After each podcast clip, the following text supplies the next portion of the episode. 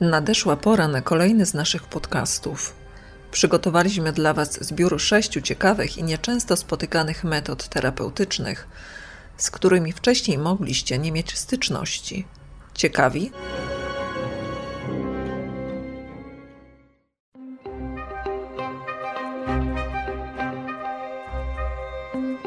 Pierwsza terapia, o której dziś porozmawiamy, jest formą psychoterapii, która wywodzi się z teorii szwajcarskiego psychiatry Karla Junga, który odkrył, że wielu jego pacjentów cierpi na głęboko zakorzenione poczucie przygnębienia i nieadekwatności. Zaczął mówić o boskim wnętrzu ludzi, który nazwał ich ja. O jakiej terapii mowa? O tak zwanej metodzie jungowskiej. Terapia Junga kładzie nacisk na pomaganie ludziom w odnalezieniu ich prawdziwego ja i często wykorzystuje narzędzia takie jak sztuka i mit, aby pomóc pacjentom nawiązać kontakt ze swoimi głębokimi uczuciami, myślami i przekonaniami. Ponadto terapia jungowska polega na nawiązaniu kontaktu z nieświadomym, a niekiedy w nawiązaniu do teorii Junga uśpionym umysłem. To właśnie umysł, czy też jaźń, zdaniem Junga odgrywa dużą rolę w kształtowaniu myśli i zachowań ludzi.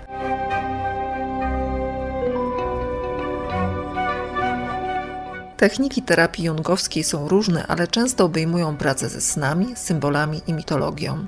Terapia jungowska wydaje się być najskuteczniejsza dla osób zainteresowanych samopoznaniem i rozwojem osobistym.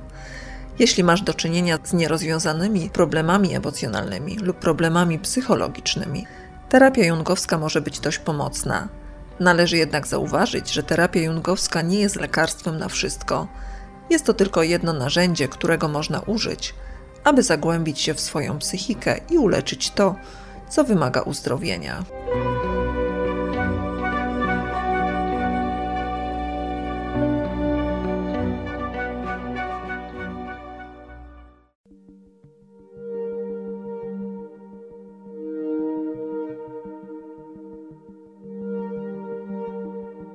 Każdy z nas ma w sobie cząstkę pierwotnego człowieka. Końcu od niego się wywodzimy. Stąd też kolejny rodzaj terapii, o której być może nie słyszeliście. Terapia pierwotna to rodzaj psychoterapii, która koncentruje się na pomaganiu ludziom w łączeniu się z ich najgłębszymi emocjami i uczuciami. Celem terapii pierwotnej jest rozwiązywanie problemów psychologicznych poprzez umożliwienie wyrażania emocji i uczuć, ale wyłącznie w bezpiecznym i wspierającym środowisku. Terapia pierwotna została opracowana w latach 60. ubiegłego wieku przez doktora Artura Janowa, psychologa i psychoanalityka. Teoria Janowa mówi, że problemy psychologiczne są spowodowane stłumionymi emocjami i uczuciami. Uczony wierzył, że te stłumione emocje mogą powodować różne problemy psychologiczne, w tym lęk, depresję i wściekłość. Teoria Janowa dalej twierdzi, że stłumiony ból z życia człowieka może zostać przekształcony w objawy fizyczne. To znaczy, że takie problemy jak wrzody, bóle głowy i astma mogą się wywodzić z naszych podświadomych lęków i problemów, które tłumiliśmy do tej pory. Według Janowa ból psychiczny ma swoje źródło w wydarzeniach, które były zbyt traumatyczne, aby móc je w pełni zaakceptować lub zintegrować ze swoją świadomością.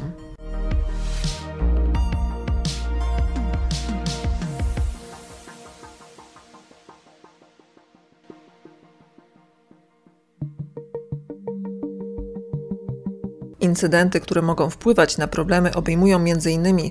znęcanie się fizyczne lub emocjonalne, zaniedbanie lub traumatyczne wydarzenie, takie jak wojna.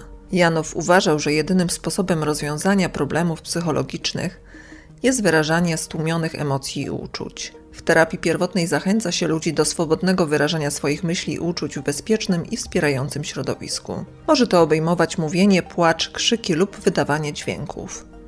Podczas tego procesu osoby na terapii są zachęcane do zwracania szczególnej uwagi na uwalnianie wszelkich tłumionych emocji, których mogą doświadczać.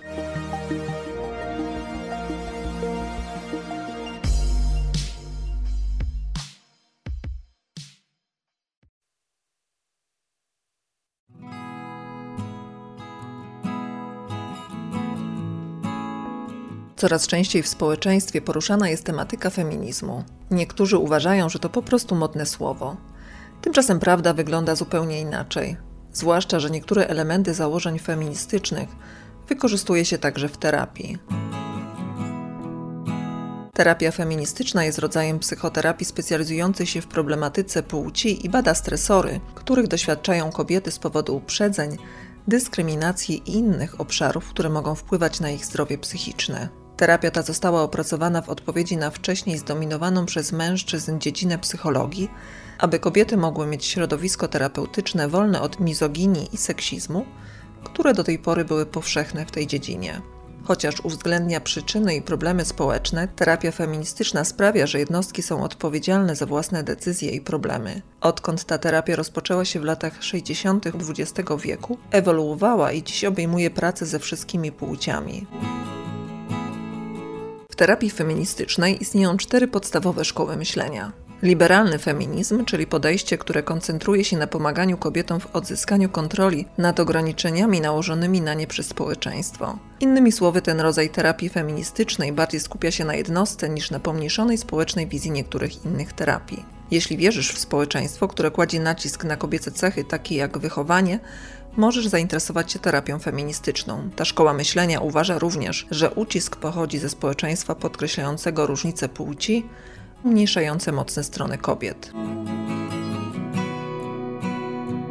W radykalnym feministycznym ujęciu terapeutycznym pacjent wraz z terapeutą uważnie przygląda się skutkom ucisku na kobiety, zwłaszcza wpływowi patriarchatu na nie.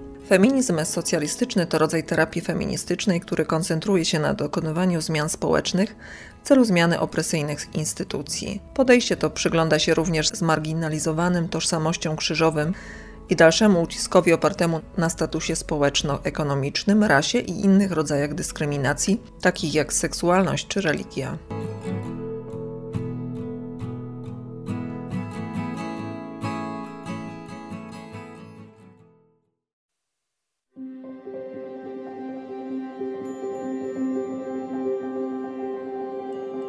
Radzenie sobie z trudnymi emocjami nie jest łatwe, a co w przypadku osób, które doświadczyły naprawdę ogromnej traumy?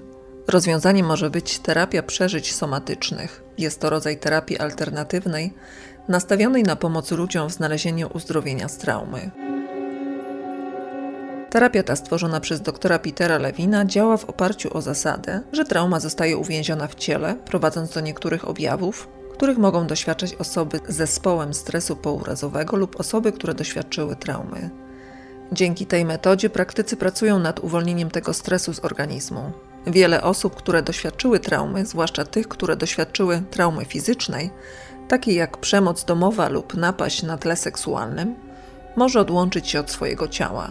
Doświadczenie somatyczne pomaga im mieć zwiększone poczucie świadomości swoich doświadczeń wewnętrznych. Chodzi o tzw. Tak doznania interoceptywne, proprioceptywne i kinestetyczne.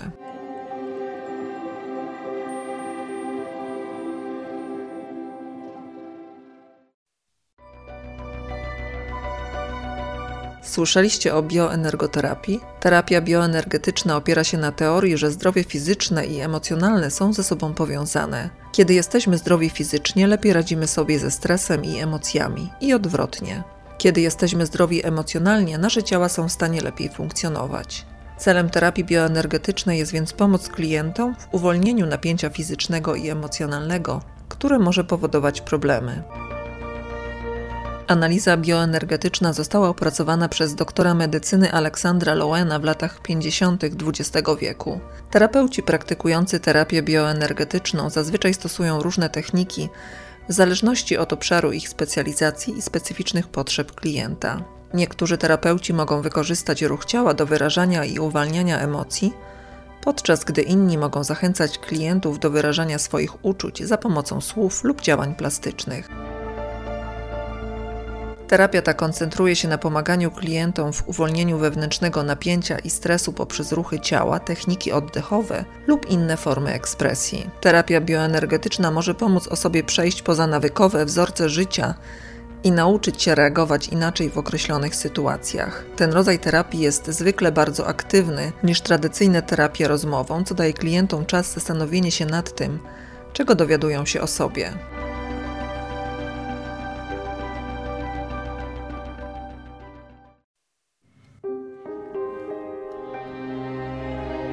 Osoby, które doświadczają problemów ze zdrowiem psychicznym, mogą mieć trudności z interpretacją lub opisaniem, jak się czują. Wykorzystanie sztuki ekspresyjnej może pomóc ludziom dowiedzieć się więcej o sobie i dzielić się tym, co czują w kontekście terapeutycznym.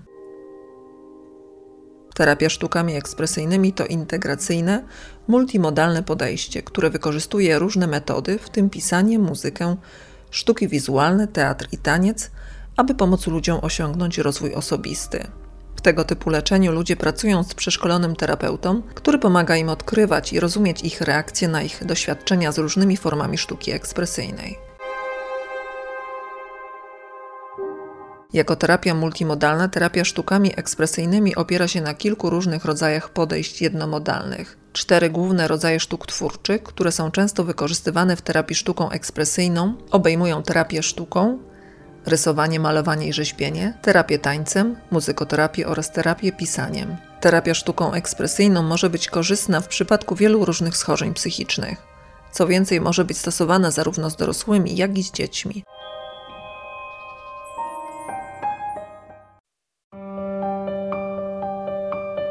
Ważne jest również, aby być otwartym na nowe doświadczenia. Ważne jest także podejście oraz szukanie pomocy w sytuacji, gdy jej potrzebujemy. W takim momencie wszystkie chwyty są dozwolone. Każde rozwiązanie jest dobre, byleby poradzić sobie ze smutkiem, stresem, lękiem, nerwicą czy uzyskać dodatkowe wsparcie w depresji. Czy któreś ze wskazanych przez nas terapii szczególnie Was zaciekawiły? A może coś okazało się nowością? Koniecznie dajcie nam znać. Tymczasem na dziś to tyle i do usłyszenia w kolejnym podcaście.